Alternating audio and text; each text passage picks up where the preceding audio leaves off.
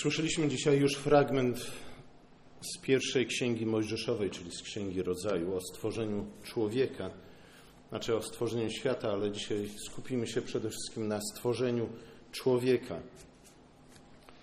Bóg mówi w pierwszym rozdziale, w 26 wersecie: Uczyńmy człowieka na obraz nasz, podobnego do nas, i niech panuje nad rybami morskimi, nad ptactwem niebios, i nad bydłem, i nad całą ziemią i nad wszelkim płazem pełzającym po ziemi. Przede wszystkim Pan Bóg w tych słowach stwierdza, że zostaliśmy stworzeni na Jego obraz. Mamy wzrastać na Jego podobieństwo. A później zaraz wyjaśnia, co to tak naprawdę znaczy, ze względu na to, że najpierw mówi, uczymy człowieka na obraz nasz i niech panuje nad rybami morskimi i tak dalej. A zatem nasze podobieństwo do Pana Boga ma wyrażać się przede wszystkim w panowaniu nad stworzeniem.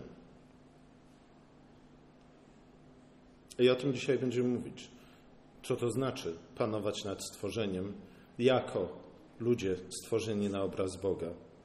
Początkowe zatem fragmenty nie tylko Księgi Rodzaju, ale całego Pisma Świętego opisują człowieka i jego miejsce w stworzeniu. Co to znaczy że jesteśmy stworzeni na obraz Boga, co to znaczy, że mamy panować nad całym stworzeniem, a także co to znaczy w kontekście naszego powołania i przeznaczenia. Ale żeby zrozumieć to, czym mamy, kim mamy być jako ludzie stworzeni na obraz Boga, musimy najpierw przyjrzeć się temu, co Bóg czyni w czasie tygodnia stworzenia. Nie będziemy tego dokładnie omawiać, robiliśmy to tak naprawdę wielokrotnie i przy wielu okazjach. Dzisiaj krótkie przypomnienie. Bóg przede wszystkim bierze to, co puste, co pozbawione wszelkiej formy i kształtu, co pogrążone w ciemności, a mianowicie ziemię i wykonuje nad nią pewną pracę. Napełnia ją, najpierw rozjaśnia światłem, następnie porządkuje i napełnia. To jest ta praca, o której czytamy w pierwszym rozdziale Pisma Świętego. I człowiek tak naprawdę ma naśladować Boga, dokładnie w tym dziele napełniania świata, czy też ziemi światłością, pamiętamy, że w ten sposób Pismo Święte ukazuje nam historię stworzenia, przynajmniej historię Ziemi. Wszystko zaczyna się w mroku, a kończy się w świętym mieście Boga, w Nowej Jerozolimie, gdzie nie ma już nocy i nie ma żadnej ciemności, ze względu na to, że panuje w niej wieczny dzień. Następnie Pan, Pan Bóg porządkuje i napełnia ten świat. To, co było puste, to, co było pozbawione wszelkiej formy, nagle staje się czymś pięknym i dobrym, właśnie ze względu na pracę, jaką Pan Bóg wykonuje nad stworzeniem. I człowiek ma czynić podobnie. Człowiek zatem nie jest, broń Boże, żadnym robakiem, ale jest synem Pana stworzenia. Jest królewskim synem. Nie jest tylko i wyłącznie jakąś marionetką, nie jest tylko aktorem na scenie historii, ale ma być wraz z Panem Bogiem współstwórcą tak naprawdę i historii i całego stworzenia. Pan Bóg w drugim rozdziale, w 15 wersiecie czytamy, że Pan Bóg wziął człowieka i osadził go w ogrodzie Eden, aby go uprawiał i strzegł. Zatem to są te dwa podstawowe zadania, jakie Pan Bóg nam powierza. Uprawianie i strzeżenie ogrodu, ale nie tylko ogrodu, nie? Z wcześniejszych słów wiemy, że tak naprawdę, chodzi o, o całą Ziemię. Człowiek miał czynić świat coraz bardziej pięknym, coraz piękniejszym. Miał napełniać świat poznaniem Stwórcy, a także Jego chwałą. Pracę miał swoją rozpocząć od ogrodu, urządzając go, przyozdabiając, miał sięgać po surowce ukryte nie tylko w ogrodzie, ale także poza ogrodem. Wiemy, że w ziemi Hawila Bóg ukrył złoto, Złoto, które było jednocześnie dobre i piękne. Złoto, ku któremu człowiek miał skierować swoją uwagę, po to, aby wydobyć je i użyć, do tego, aby przyozdobić ogród. Ostatecznym celem tej działalności człowieka, ostatecznym celem działalności i życia każdego z nas jest właśnie pełne chwały święte miasto Boga, opisane w ostatniej księdze Pisma Świętego. Zanim Adam oczywiście rozpoczął, czy też mógł rozpocząć jakąkolwiek pracę w ogrodzie, musiał go najpierw poznać i zrozumieć. I widzimy, że również do tego Pan Bóg prowadził Adama. Moglibyśmy powiedzieć, że najpierw Adam miał prowadzić badania naukowe nad światem, w którym żył, a przynajmniej nad swoim bezpośrednim otoczeniem, a także, e, kto wie, czy to nie był najważniejszy aspekt tych badań, jakie Adam miał wykonać, e, sam miał stać się przedmiotem tych badań. Sam poznając coraz lepiej sam siebie, a także świat, w którym miał, w którym żył, miał przygotować się do przedsięwzięć, przedsięwzięć, które moglibyśmy nazwać artystycznymi. Innymi słowy, do upiększania świata, do upiększania stworzenia, do przemiany go z chwały w chwałę. Musiał dowiedzieć się czegoś na temat gleby, jej kwasowości czy kwaśności, po to, aby stać się kim? Lepszym rolnikiem, po to, żeby wiedział, jak ma kultywować tę ziemię. Musiał dowiedzieć się czegoś na temat chemicznego składu olejów, po to, aby być kim? Po to, aby być lepszym malarzem. Musiał studiować geometrię, wymyślić twierdzenie Pitagorasa. Po co? Po to, aby stać się lepszym architektem, na przykład, choć nie tylko. E, Im lepiej poznawał świat, tym lepszym gospodarzem świata się stawał. Ale przede wszystkim, im lepiej poznawał sam siebie, tym lepszym stawał się człowiekiem. Przynajmniej tak było, miało być w założeniu. Adam potrzebował pomocy do wykonania tego zadania.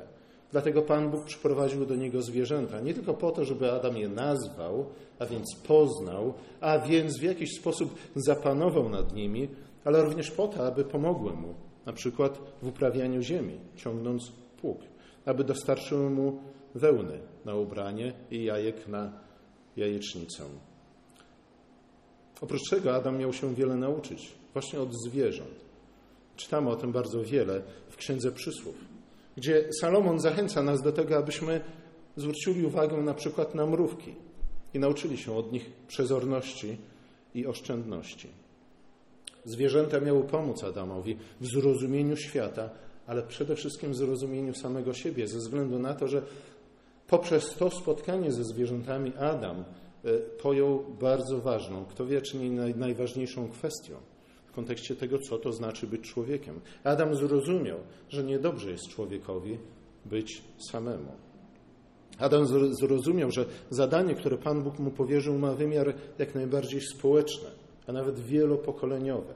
Adam potrzebował pomocnika podobnego do niego, który był niezbędny, konieczny do tego, aby Adam mógł, zgodnie z poleceniem i powołaniem, jakie otrzymał od Boga, zbudować w końcu święte miasto Boga. Pan Bóg powierzył Adamowi ochronę ogrodu. Oczywiście, żebyśmy mogli wykonać jakąkolwiek pracę, musimy cieszyć się przynajmniej pewną dozą pokoju. Tam, gdzie panuje wieczna wojna, czy też permanentna rewolucja, praca staje się niemożliwa. Dlatego Adam miał być nie tylko tym, który kultywuje ogród, tym, który uprawia ogród, tym, który przemienia ogród z chwały w chwałę, ale miał być również strażnikiem. I być może w pierwszej kolejności miał być strażnikiem ogrodu. Miał strzec ogród przed intruzami, którzy mogliby zakłócić pracę, do której Pan Bóg powołał Adama. Adam, innymi słowy, miał utrwalić władzę Boga nad ogrodem. I musimy pamiętać tutaj, że ogród nie był jakimś zwykłym kawałkiem ziemi. To nie był po prostu jeszcze jeden sad zasadzony na ziemi. Ogród Eden był miejscem, w którym Pan Bóg spotykał się z Adamem. Ogród Eden był miejscem, gdzie rosły dwa szczególne, święte drzewa: drzewo poznania i drzewo życia. Był zatem miejscem świętym, był świątynią, był sanktuarium, a jak wiemy z dalszej części Pisma Świętego, świątynia jest ziemskim miejscem trona.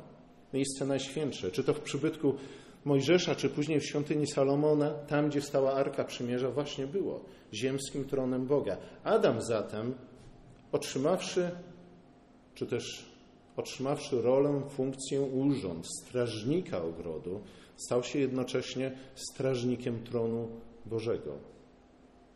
Słuchajcie, król zwykle nie poleca, nie, nie, nie zleca ochrony swojego tronu, ochrony własnej osoby, ochrony swojego pałacu byle komu. Zleca to tylko zaufanym i kompetentnym sługom. A zatem Pan Bóg obdarzył Adama wielkim zaufaniem, zlecając mu właśnie to polecenie, to zadanie, które później po upadku i po wygnaniu ludzi z ogrodu Eden Pan Bóg polecił komu? Cherubinom, nie? a zatem y, najwyższym spośród aniołów. Innymi słowy, moglibyśmy powiedzieć, że Pan Bóg powierzył Adamowi klucze do swojego królestwa. Już na samym początku. Mówi: strzeż ogrodu i wszystkiego, co w nim jest. Strzeż swojej żony, która wraz z tobą mieszka w ogrodzie. Strzeż przede wszystkim swojego serca. Później historia Kaina przypomina nam, jak bardzo ważne jest właśnie to ostatnie zadanie strzeżenie własnego serca. Z tymi słowami Pan Bóg przychodzi do Kaina i mówi mu: strzeż swojego serca, żeby przypadkiem grzech nie zagnieździł się w nim. Kain jednak ignoruje te słowa Boga i wiemy, jakie to ma skutki. Bóg następnie przyprowadza kolejne zwierzę do Adama. Tym razem jest to wąż. Najbystrzejsze, najrozumniejsze, najprzebieglejsze spośród wszystkich zwierząt. I to był test dla Adama. Próba tego, na ile jest gotów być strażnikiem tronu Bożego, na ile nadaje się do tego, aby strzec ogród Boży, na ile nadaje się do tego, aby strzec swoją żonę przed atakami, na ile nadaje się do tego, aby strzec własne serce. Wąż przychodzi tak naprawdę z dwoma słowami, mówiąc: Pan Bóg kłamie. Ciekawe jest to, że atak ten nie był skierowany bezpośrednio na Adama. Wąż nie zwrócił się do niego, nie chciał z nim rozmawiać, ominął Adama, zignorował jego obecność, podszedł bezpośrednio do Ewy. Adam jednak, będąc strażnikiem ogrodu, będąc strażnikiem swojej żony, powinien był natychmiast oczywiście zainterweniować, zaprzeczyć słowom węża, pogonić go z ogrodu. Miał zachować się jako jak kapłan i jak rycerz, bo tak naprawdę na tym polega praca strażnika. To oznacza bycie stróżem stworzenia Bożego, bycie jednocześnie kapłanem i rycerzem który chroni dom Boży przed wszelkiego rodzaju napadami. Eden wraz z ogrodem, który Pan Bóg z, z, zasadził na wschodzie ziemi Eden, znajdował się na górze. Skąd to wiemy? Wiemy to stąd, ponieważ przez Eden przypływała rzeka, która następnie przepływała przez ogród Eden, który był zasadzony na wschodzie ziemi Eden, a następnie płynęła, płynęła dalej w dół, po to, aby rozdzielić się na cztery odnogi, na cztery rzeki, po to, aby stać się tak naprawdę tymi naturalnymi kanałami, czy też y, drogami, dzięki których Adam i jego potomkowie będą mogli spenetrować resztę ziemi. Poza tym mamy górę, przez którą przepływa rzeka. Mamy górę, na której Pan Bóg zasadził ogród, w której posadził dwa święte drzewa. To sprawia, że cała, cała ta góra staje się świętą górą. Stąd też później w Piśmie Świętym widzimy kluczowe wydarzenia w historii ludu Bożego, które mają miejsce właśnie na górach. Na górze Pan Bóg spotyka Mojżesza, na górze Pan Bóg e, każe Iza e, Abrahamowi poświęcić Izaaka. Na górze później Chrystus naucza i z góry odchodzi do nieba. Kto może stać na świętej górze? Takie pytanie pada w jednym z psalmów. Kto stoi na szczycie stworzenia, pod, tuż pod sklepieniem nieba, na wyciągnięcie ręki od nieboskłonu?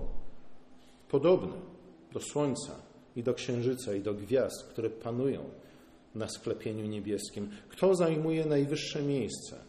po to, aby ogarnąć swoim wzrokiem cały świat. Czy jest to lew, czy jest to wół, czy jest to cherub, czy jest to seraf? Nie. Pan Bóg na samym początku postawił człowieka na tym miejscu, ponad całym stworzeniem. Pan Bóg spotykał się z Adamem i rozmawiał go jak ojciec z synem. Adama uczynił dziedzicem swojego stworzenia, gospodarzem całego świata. Uczynił Adama strażnikiem swojego tronu, strażnikiem swojej chwały.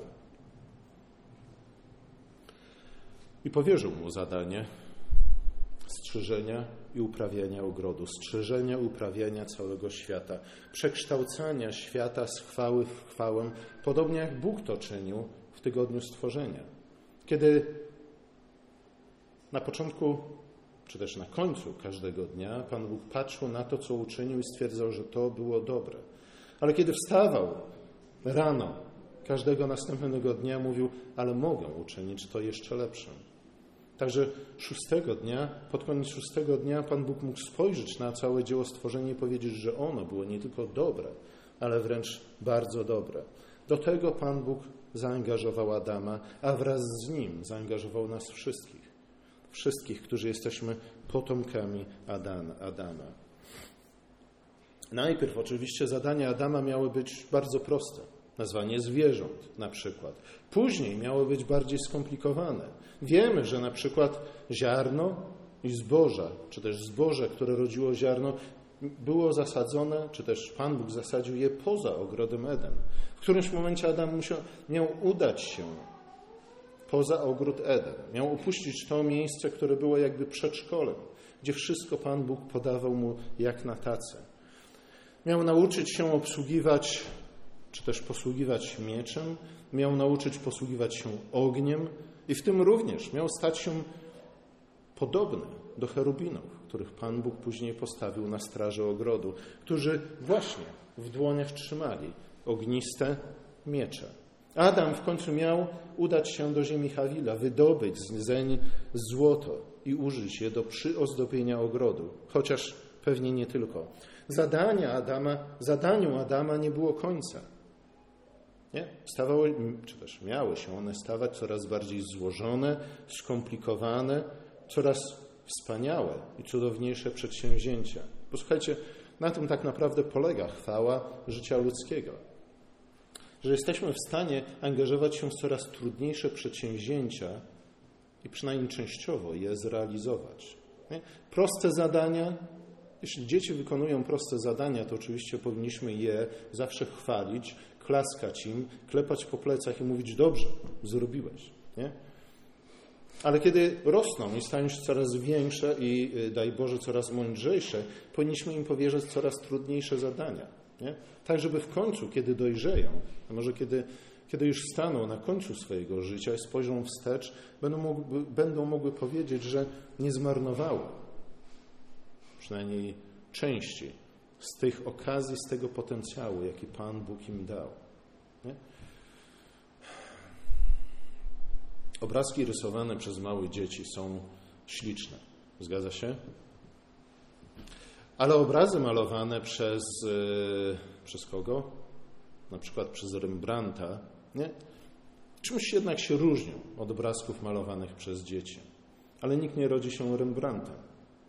E, domy budowane z klocków przez małe dzieci są śliczne. Nie? Ale katedra, która katedra? Niech będzie ta, którą ostatnio nam spalili, Notre Dame. Nie? E, no, trudno porównać jedno z drugim. I jedno i drugie z budowlą, ale słuchajcie, o wiele większa jest chwała tego, co wymaga wiedzy, wysiłku, cierpliwości, poświęcenia. Nie? Na tym polega Stąd się bierze chwała ludzkiego życia. I właśnie to Pan Bóg nam polecił. Wręcz epickie, kosmiczne w swoich rozmiarach zadania. Z tego też wynika chwała człowieka. Nie? Nikomu innemu, ale to nam. Pan Bóg polecił to zadanie. Dlatego też, dlatego też Dawid w Psalmie ósmym mówi: Gdy oglądam niebo Twoje, dzieło palców Twoich, księżyc i gwiazdy, które Tu ustanowiłeś, Czymże jest człowiek, że o nim pamiętasz, lub syn człowieczy, lub syn człowieczy. O, gdzieś mi uciekło parę kartek.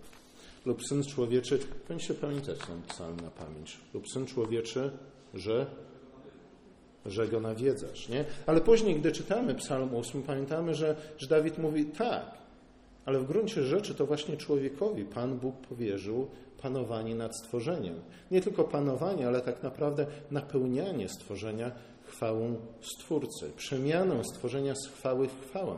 To oznacza, że nie tylko stworzenie jest pełne chwały, stworzenie Boże, ale tak naprawdę człowiek jest pełen chwały, ponieważ Pan Bóg powierzył człowiekowi, ani, a nie żadnemu innemu stworzeniu, dzieło strzeżenia i uprawiania ogrodu i całej ziemi. Niestety ten proces przemiany z chwały w chwałę został bardzo szybko zakłócony.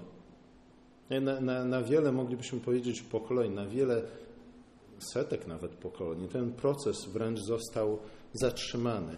Adam zgrzeszył. A zgrzeszył przede wszystkim dlatego, że odmówił złożenia Bogu dziękczynienia. O tym później będzie pisał apostoł Paweł w pierwszym rozdziale listu do Rzymian. Iż człowiek, na tym polegał upadek, iż człowiek poznawszy Boga w Jego chwale, w Jego mocy, nie złożył Mu dziękczynienia i nie uwielbił Boga jako Boga. A nie Adam nie złożył Bogu dziękczynienia, bo jakże mógł podziękować Panu Bogu, trzymając w rękach zakazany owoc. Nie podziękował Panu Bogu Kain, bo jakże mógł podziękować Panu Bogu, kiedy zignorował oczywisty nakaz Boga, kiedy podniósł rękę na własnego braka, brata, który nic złego mu nie uczynił. Jakże Kain mógłby podziękować Bogu i oddać Bogu uwielbienie, kiedy budował bezbożne miasto Henoch. Praca człowieka od tej pory bardzo często prowadziła i nadal prowadzi nie do przemiany stworzenia z chwały w chwałę, ale do stopniowej degeneracji stworzenia. No i oczywiście pewnie ci spośród setytów, którzy żyli w tamtych czasach, mogli zachwycać się. Niektórzy spośród setytów mogli zachwycać się, patrząc na potomków Kaina i widząc te wszystkie osiągnięcia, na przykład techniczne, które widzieli w miastach zbudowanych przez Kaina. Instrumenty muzyczne, potężne mury obronne, być może nawet kanalizacją. Nie? Oni nadal mieszkali jednak setyci na wsi, na ziemi, żyli jako rolnicy i pewnie wzdychali do miasta Kaina i mówili: Och, żebyśmy tylko mogli tam zamieszkać, żebyśmy mogli posłuchać ich pięknej muzyki, żebyśmy mogli cieszyć się ich wygodami. I niestety w końcu się tak stało. Ich marzenia się spełniły. Skutkiem tego był potop. Zamiast uwielbienia stworzenia nastąpiło upodlenie. Ten, te historie uczą nas bardzo wiele na temat również świata i czasów, w których my żyjemy. My też często wzdychamy do tych, którzy są bogatsi, do tych, którym łatwiej się żyje, do tych, którzy cieszą się większymi wygodami, do tych, którzy mają lepsze telefony i tak dalej, i tak. Nie? Albo dłuższe wakacje, albo jeszcze coś innego i, i chcemy stać się tacy jak oni. Bardzo często niestety okazuje się to wzdychaniem do życia w mieście Kaina. Postęp techniczny, postęp w kolejnych udogodnieniach w życiu ludzkim niekoniecznie oznacza przemianę z chwały w chwałę. Bardzo często niestety towarzyszy postępującemu upodleniu zarówno człowieka, jak i stworzenia, nad którym panuje. Nie każdy postęp jest prawdziwym postępem. Kiedy ludzkość była jeszcze bardzo młoda, Bóg jednak w swojej łaskawości zainterweniował i naprawił to, co uległo zepsuciu. Najpierw spuścił potop, które tak naprawdę z jednej strony często mówimy o potopie jako o sądzie Bożym, ale powinniśmy raczej postrzegać potop jako wyraz łaskawości Bożej, ponieważ Bóg nie pozwolił, abyśmy jako ludzkość całkowicie i do końca pogrążyli się w naszym upodleniu.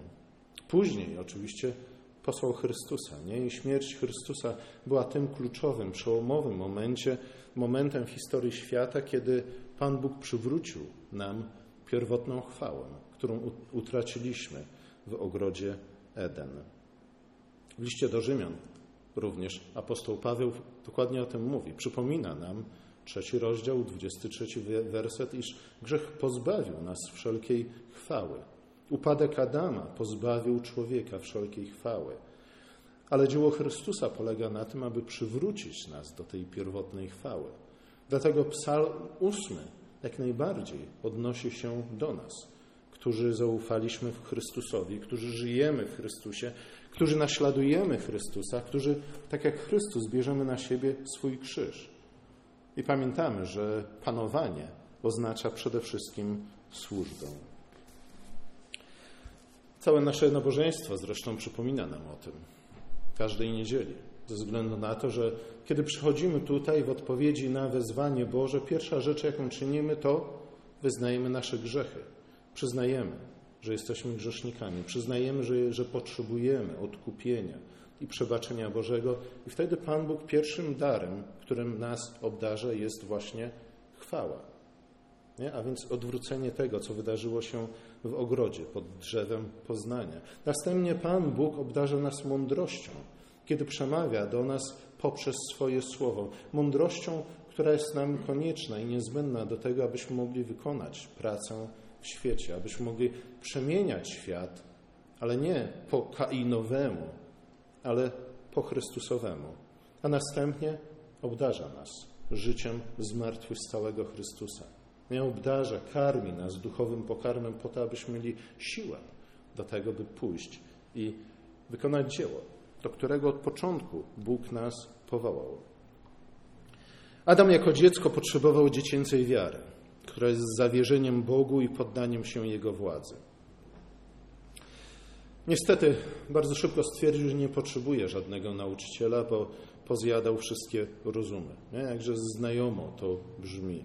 Uzurpował sobie ponadto prawo do tego, aby rozsądzać pomiędzy Bogiem a wężem i w ten sposób postawił sam siebie ponad Bogiem. Nie?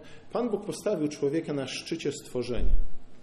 Tylko Bóg stał wyżej człowieka, ale człowiek powiedział: Mi to nie wystarczy.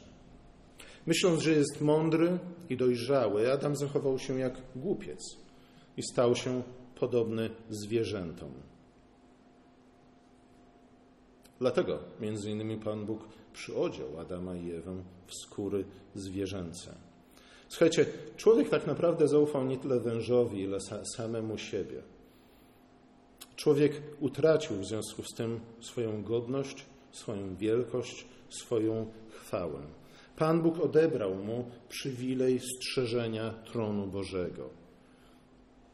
Pan Bóg również pozbawił człowieka nagrody za pracę oraz chwałę, jaką człowiek się cieszył.